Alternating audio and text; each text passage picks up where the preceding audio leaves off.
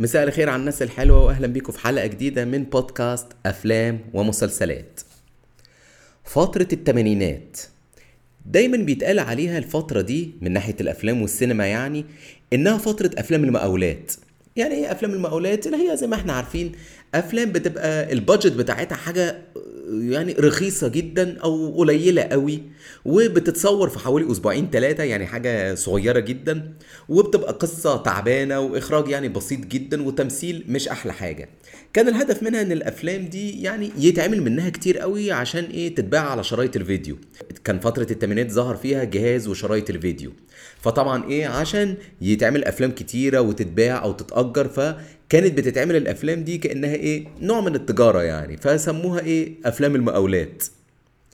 لكن إحنا دايما الفترة دي بتتظلم على فكرة فترة الثمانينات اللي دايما زي ما قلت بيتقال عليها أفلام المقاولات لكن في الفترة دي ظهرت أفلام عظيمة جدا وأصبحت دلوقتي من الكلاسيكيات. ولما نتكلم طبعا على الفترة دي ما ينفعش نخرج من ثلاثية معينة. يعني إيه ثلاثية؟ طبعا معروف إن الثلاثية يعني trilogy اللي هو يعني إيه ثلاث أفلام بيكملوا بعض أو مثلا لهم دعوة ببعض. دايما إحنا متعودين إن كلمة ثلاثية دايما مرتبطة بإيه؟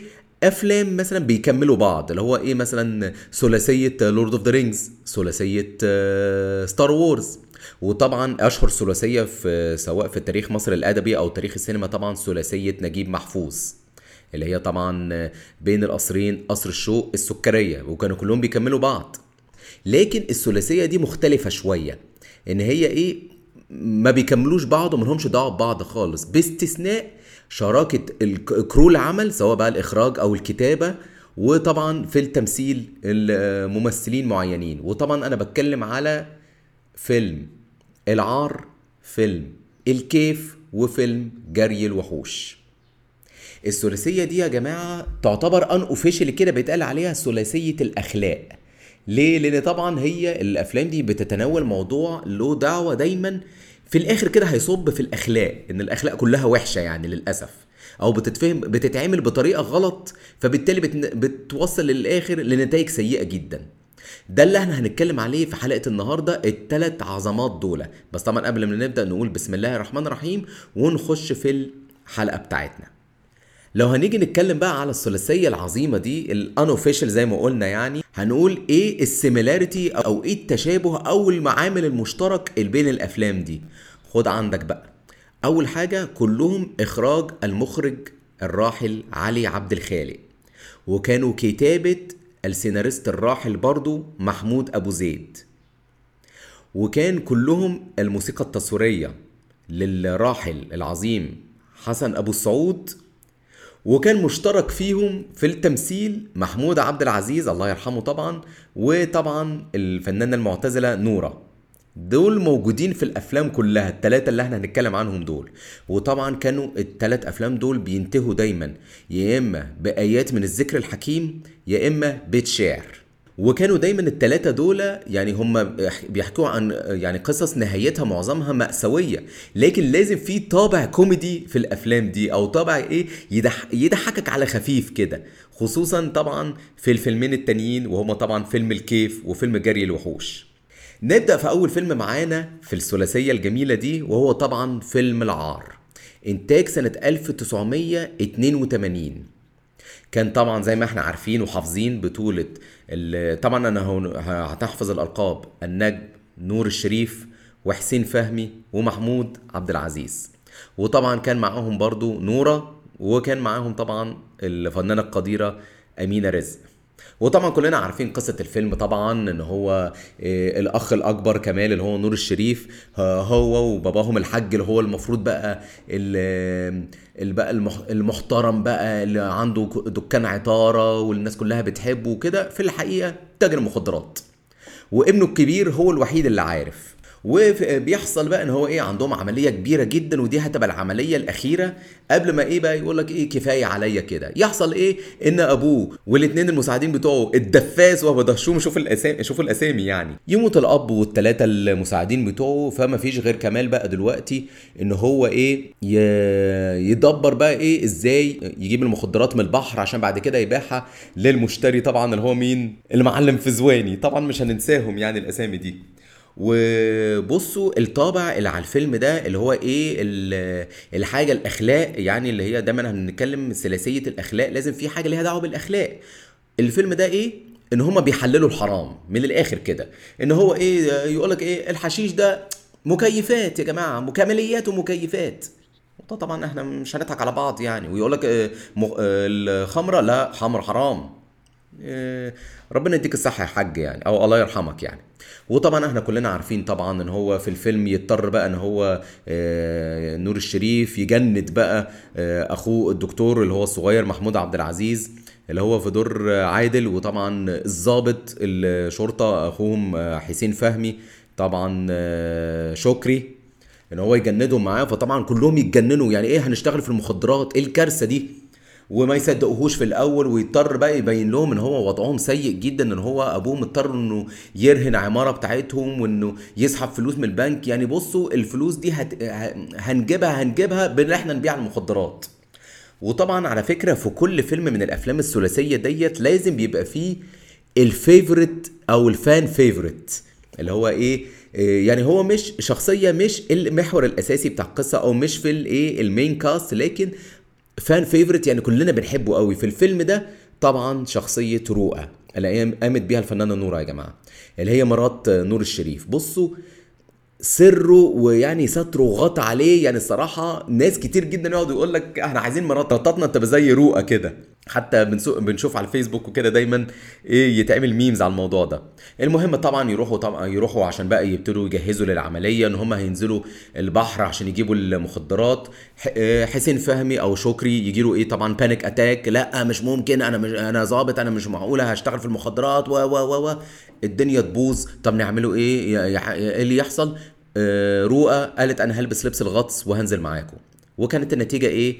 للأسف آه، رؤى تموت من الأمواج البحر اللي هم نزلوا الساعة 2 بالليل 2 كيلو عوم عشان يعرفوا إيه؟ يجيبوا المخدرات اللي محطوطين طبعا جوه آه، كاوتش عجل كاوتش يعني طبعا العلاقة تتوتر طبعا ما بين آه، حسين فهمي وما بين نور الشريف اللي هو بيقول لك أنت السبب في موتها من الآخر وبعد طبعا ما يعبوا المخدرات ومستنيين بقى إيه ميعاد ميعاد التسليم تحصل المفاجأة إنه رايحين بقى دلوقتي هم طبعا إحنا عارفين إن هم راحوا حطوا بقى إيه المخدرات في الملاحات و...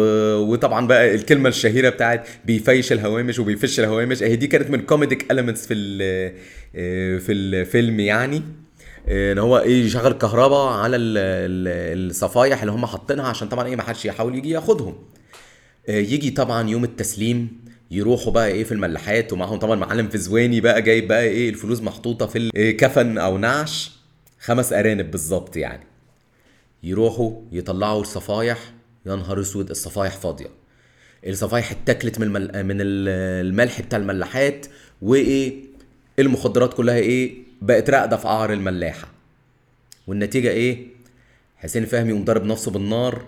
وطبعا محمود عبد العزيز أو عادل المشهد الشهير طبعا لما قام لما قام يضحك في وسط الملاحات ويقوم ويقعد يقول لك الملاحة الملاحة وحبيبتي مال الطراحه آه، وعلى فكرة المشهد ده على فكرة محمود عبد العزيز كان هيقع بجد في المية على فكرة لو تفتكروا. وينتهي الفيلم طبعا على آه، الآية القرآنية من سورة الشمس بسم الله الرحمن الرحيم. ونفس وما سواها ألهمها فجورها وتقواها قد أفلح من زكاها وقد خاب من دساها. صدق الله العظيم. يعني من الآخر نهاية مأساوية على الناس كلها. والأخلاق الوحشة إيه؟ تحليل الحرام. بصوا يا جماعة الفيلم ده الصراحة مش معقولة في العظمة بتاعته. نزل سنة 1982 وكمان مع الثلاثي العظيم ده كانت يعني ضجة حلوة قوي من الفيلم ده و breath of fresh air في الفترة اللي هي إيه أفلام المقاولات كانت هي الايه ال- الطاغي يعني أو اللي هو إيه المنتشر. من حيث التمثيل التلاتة مثلوا مفيش أروع من كده الصراحة. في رأيي أقل واحد فيهم كان في الفيلم ده شوية يعني كان محمود عبد العزيز. يمكن هو في الناحية الحتة التمثيلية كان أقل شوية يعني لكن عوض ده قوي في الأفلام اللي بعد كده الصراحة. يمكن طبعا باستثناء أحلى لقطة ليه طبعا في الفيلم كله هي حتة طبعا لما قام يضحك في آخر الفيلم طبعا بعد ما خربت مالطا بقى وهم اتجننوا كده من الناس اللي ما تعرفش بقى أو فان فاكت إن الفنان يحيى الفخراني كان مرشح أصلا يقوم بدور محمود عبد العزيز في الفيلم يقوم بدور عادل. ورفض إيه الدور. أو يعني ما ما اشتغلش في الفيلم. وندم أشد الندم على إن هو رفض الفيلم. فبالتالي بقى إيه هيصلح غلطته في الفيلم اللي بعد كده. وبرده على فكرة fun fact إن الفيلم اتعمل له adaptation إيه لمسلسل. نزل مش فاكر كان سنة تقريبا 2011 12 حاجة كده يعني للكاتب آه، أحمد محمود أبو زيد. اللي هو ابن الكاتب الراحل محمود أبو زيد يعني بيخل بيخلد اعمال والده يعني. بس يعني طبعا لا يقارن يعني خلينا صراحة يعني لا يقارن هو كان فكرة المسلسل إن هو ماذا لو يعني ماذا لو إن هم إيه عرفوا يلاقوا المخدرات ما ما ما, ما تهتش يعني في في الملاحة وباعوها وإيه اللي حصل لهم بعد كده. لكن طبعا يعني ده حاجة وده حاجة تانية خالص يعني خلينا صراحة يعني. ونيجي لتاني فيلم معانا بقى طبعا وهو المفضل بالنسبة لي وأكيد مفضل لناس كتيرة جدا لأن هو أكتر واحد في في الثلاثية في كوميديك المنتس وهو طبعا الكيف. اتكلم على إيه ولا إيه ولا إيه في الفيلم ده يا جماعة؟ بصوا مش معقولة. الواقعية اللي في الفيلم يا جماعة بيحكي فعلا الواقع وقتها وتلاقيه منطبق قوي على اللي بيحصل دلوقتي. اللي هو إيه؟ إحنا يهمنا إيه بس؟ الذوق السيء بقى هو الحاجة اللي تبسطنا. والوهم الكيف وهم الكيف اللي هو إيه, إيه أنت عمال يا عم تشرب في مخدرات عشان تنبسط أو يعني تشرب في حشيش وبتاع عشان تنبسط يعني وطبعا هو إيه لأ هو عايز الفيلم يقول لك إن الكيف ده وهم مفيش حاجة اسمها كده. وحتة اللي أنت بس بتتكيف لما تسمع أغاني وحشة أو لما تقعد مع أصحابك تضحكوا ومثلا في وسط قاعدة كده الحاجات دي مجرد وهم. وطبعا كلنا عارفين أبطال الفيلم كانوا أنا طبعا الإخراج وكتابة وموسيقى هم هماهم وطبعا العامل المشترك في التمثيل محمود عبد العزيز موجود نورة موجودة وطبعا زاد عليهم طبعا الرائع يحيى الفخراني. هو طبعا بيصلح غلطته إن هو إيه ما اشتركش في فيلم العار. وطبعا زي ما إحنا عارفين إن هم كانوا قايمين بدور أخين برضو اللي هو آه، صلاح أبو العزم وجمال أبو العزم. اللي هو جمال أبو العزم اللي هو طبعا محمود عبد العزيز أو مزاجنجي. اللي هو إيه آه، ابن ناس وفسد آه، بالظبط يعني. هو آه، تاني صلاح طبعا دكتور كيميائي شاطر جدا وده ابن فسد بقى بقى يغني في الأفراح عنده فرقة صيع طبعا. ما ننساش الفرقة بتاعته طبعا دي وإيه عايش بقى إيه في الكيف والوهم وكده. إيه طبعا أخوه عشان يحاول إيه يقولك بطل القرف اللي أنت بتاخده ده ولازم بقى إيه تبقى تشوف حياتك بطريقة أحسن وكده. قام عامل إيه؟ قام عامل مش مخدرات عامل إيه الحشيش عامله بمادة كيماوية كده بعطارة وحاجات كده عشان إيه كل الحاجات اللي هو إيه دي دي تقدر تحل محل القرف اللي أنت بتاخده يعني. وهو اداها لأصحابه وقعدوا في قعدة آه، قعدوا في قعدة كيف كده وبرضه انبسطوا ولا فرقت معاهم. فقال له إيه الكيف ده وهم. يحصل إيه بقى؟ مزاجنجي يقوم مديها لعبده الكرف اللي هو ده الديلر بتاعه عشان يديها لمين؟ للبهظ بيه. البهظ بيه بقى اللي هو إيه؟ التاجر الكبير أو شرير الفيلم. وطبعا يا جماعة على فكرة ده برضو fun fact إن في الثلاث أفلام دول هو مفيش شرير غير في الفيلم ده بس. ان في الشخصية الشريرة وهو طبعا البهظ بيه اللي كان قايم بيها الرائع جميل راتب. وده على فكرة يعتبر ال fan favorite بتاع الفيلم ده. يعني إحنا كنا في العار قلنا ال fan favorite رؤى ال fan favorite في الكيف هو طبعا البهظ بيه. آه، هو يشوف الخلطة اللي هو عاملها طبعا اللي المزاجنجي جابها له على عن طريق طبعا عبده الكرف يلاقيها حلوة جدا. ما, ما تجيبش سطل آه ما هيش كيف. لكن خلطتها حلوة وشكلها حلو يعني زي ما تقولوا Walter White كده لما عمل مثلا ثالمين في Breaking Bad. فيقوم عامل إيه؟ يبتدي يحشيها هو نفسه مخدرات وإيه ينزلها السوق ويدي له فلو يدي المزاجنجي فلوس. وعلى فكرة فان فاكت في الفيلم ده يقال إن الكاتب محمود أبو زيد قعد أو قابل ناس تجار مخدرات فعلا أو كانوا شغالين في كار المخدرات عشان يقدر يكتب اللغة بتاعتهم. لون فاصو إيه؟ كوريتو. ابن ناس وفاسد بيجري بالهلضمه يعني آه، لغات كده اللي هي غير لغة غير مألوفة عشان يقول لك إيه دي لغة تجار المخدرات عشان يقدر الفيلم يطلع بالواقعية اللي إحنا شفناها. والصراحة مفيش أمتع من كده ولا أحلى من كده. ده كان جزء من الفيلم. الجزء التاني طبعا له دعوة وده لايق جدا على اللي بيحصل في أيامنا الحالية. إحنا دلوقتي في 2023 وهي طبعا الأغاني الهابطة اللي بتنجح. هو طبعا يجي مزاجنجي طبعا يقول لك إيه إحنا عايزين بقى نغسل الفلوس بتاعتنا ديت. طب نعمل إيه؟ الف شريط وأنزله أو أنزل شريط وأتعاون مع مؤلفين ينزلوا له أغاني وحشة جدا أو أغاني تعبانة. طبعا إحنا طبعا ب... بتموتنا بالضحك طبعا دلوقتي. لكن هي لما أغاني تنزل في الواقع بالمنظر ده أنت هتقول إيه الوحاشة دي؟ فطبعا يتعاون طبعا مع المشهد العظيم مع الاستاذ محروس نننس وكلنا طبعا ما ننساش المشهد ده وال... الكوميديا اللي فيه اللي فيه طبعا على فكرة لو هتلاحظوا في المشهد ده يعني يحيى الفخراني كان عايز يضحك وهو ما نطقش في المشهد. وطبعا الديل, الديل ما تمشيش مع الأستاذ محروس نننس فطبعا يروح للرئيس ستاموني اللي كان قايم بدوره العظيم طبعا الله يرحمه فؤاد خليل. فؤاد خليل كان برضو على فكرة عامل مشترك بين فيلم الكيف وفيلم الجري الوحوش بعد كده. آه الريس ستاموني طبعا ويديله أغنية القفا اللي هي طبعا يعني آه بدأ آه بدل ما نتكلم عن عيون والشفايف. لا القفا ده مهم جدا. عبقرية يعني صراحة حاجة يعني تموت من الضحك الصراحة. وطبعا المشهد اللي ما فيش كوميدي أكتر من كده طبعا أنت جاي تعزي ولا جاي تهرج أنا جاي أهرج. للناس اللي ما تعرفش برضو إن المشهد ده على فكرة الناس اللي كانوا قاعدين في العزاء أنا افتكرت المشهد ضحكت الصراحة. الناس اللي كانوا قاعدين في العزا ما كانوش عاملين حسابهم إنه يقول أنا جاي أهرج. فهم ضحكوا بجد. يعني صراحة المشهد كان يموت من الضحك. بس طبعا للأسف كعادة الأفلام دي لازم تنتهي بحاجة مأساوية. وهو إيه؟ إن طبعا البخص بيه يقبض على مزاجنجي ويقطع له ضوافره عشان إيه؟ يقولك إيه؟ هات لي الطباخ اللي بيعمل الخلطة دي عشان يعمل لي إيه؟ طن وهياخد مليون جنيه عربون. يوم طبعا إيه العصابة تقوم قابضة على على أبو صلاح أو دكتور صلاح. ما يرضاش طبعا بحكم شرفه الوظيفي إن هو يعمل له الخلطة اللي هو عايزها لكن طبعا إيه يوم مديله كوكتيل هيروين على كوكايين فيصبح مدمن للأسف يعني. وطبعا وهو بيصنع له بقى المخدرات وبيصنع له الخلطة ما ننساش المشاهد الرائعة اللي كان بينهم وبين بعض والكلام اللي كان بينهم. الحتة طبعا اللي هي بتاعت إن الناس نسيت الحلو عشان اتعودت على طعم الوحش. كل كلمة قالها صح البحث بيضة الصراحة. يعني فيلم في منتهى العظمة يا جماعة. وينتهي طبعا الفيلم ببيت الشعر. المرة دي بقى ما كانش فيه آية قرآنية كان فيه بيت شعر لل... طبعا الشاعر الكبير أحمد شوقي. وهو طبعا إنما الأمم الأخلاق ما بقيت فإنهم ذهبت أخلاقهم ذهبوا. يعني بتلخص الفيلم كله من الآخر يعني. ما فيش أخلاق. يعني فيلم في منتهى الجمال يعني ويعتبر fan favorite على فكرة في الثلاثية ديت و fan favorite ليا أنا شخصيا يعني.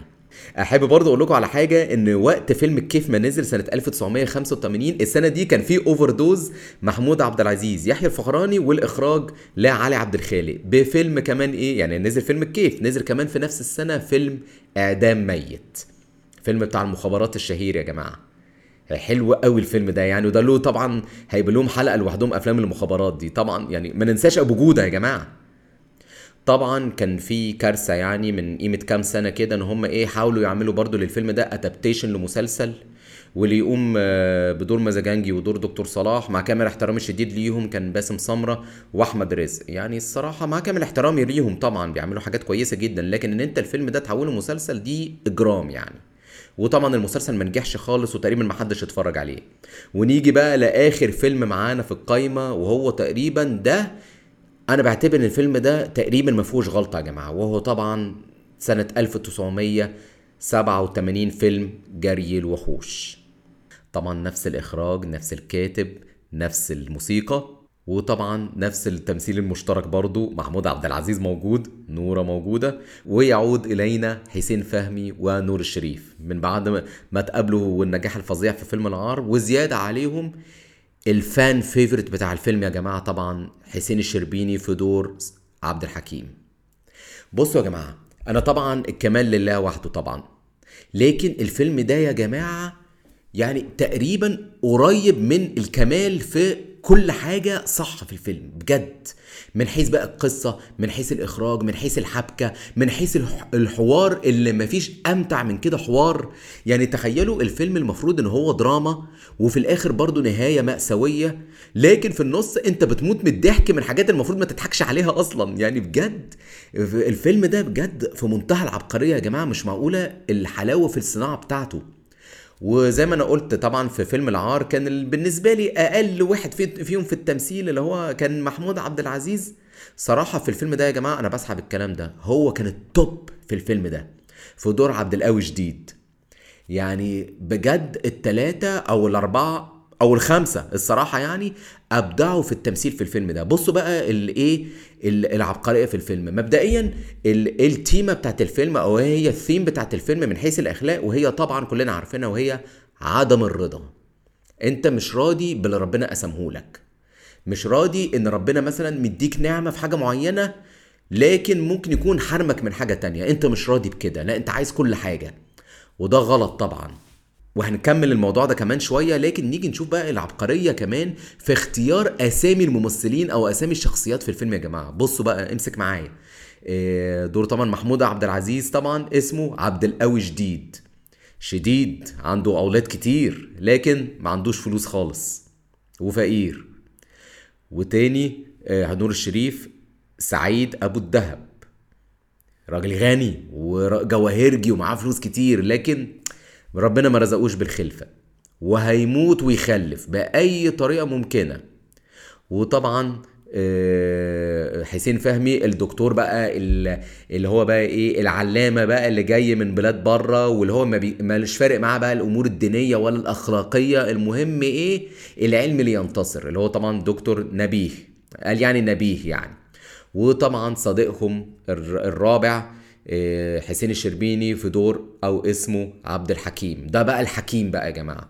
اللي هو إيه؟ هو طالع المفروض إن هو محامي أو مستشار بيفهم طبعا في الأمور القانونية وطبعا له في إيه؟ الأمور الدينية برضه. بيكلمهم دايما بإيه؟ بالعقل والمنطق وبالفقه برضه. وكلهم يقعدوا يقولوا له يا أبو جهل. يعني هو اسمه عبد الحكيم هم يقعدوا يقولوا لك اسكت أنت يا أبو جهل. لما يجي يكلموا مع في حاجة يقول لك لا أنتوا بتقولوا ده غلط إن كذا كذا كذا. اسكت أنت يا أبو جهل. عبقرية يا جماعة. وطبعا الفنانة هدى رمزي كانت قايمة بدور وفاء قايمة بدور زوجة آه، سعيد أبو الدهب أو نور الشريف. يعني اسم لايق جدا يعني. يعني عبقرية في اختيار الأسامي. ده صح يعني قوي يعني اختيارات كلها مظبوطة.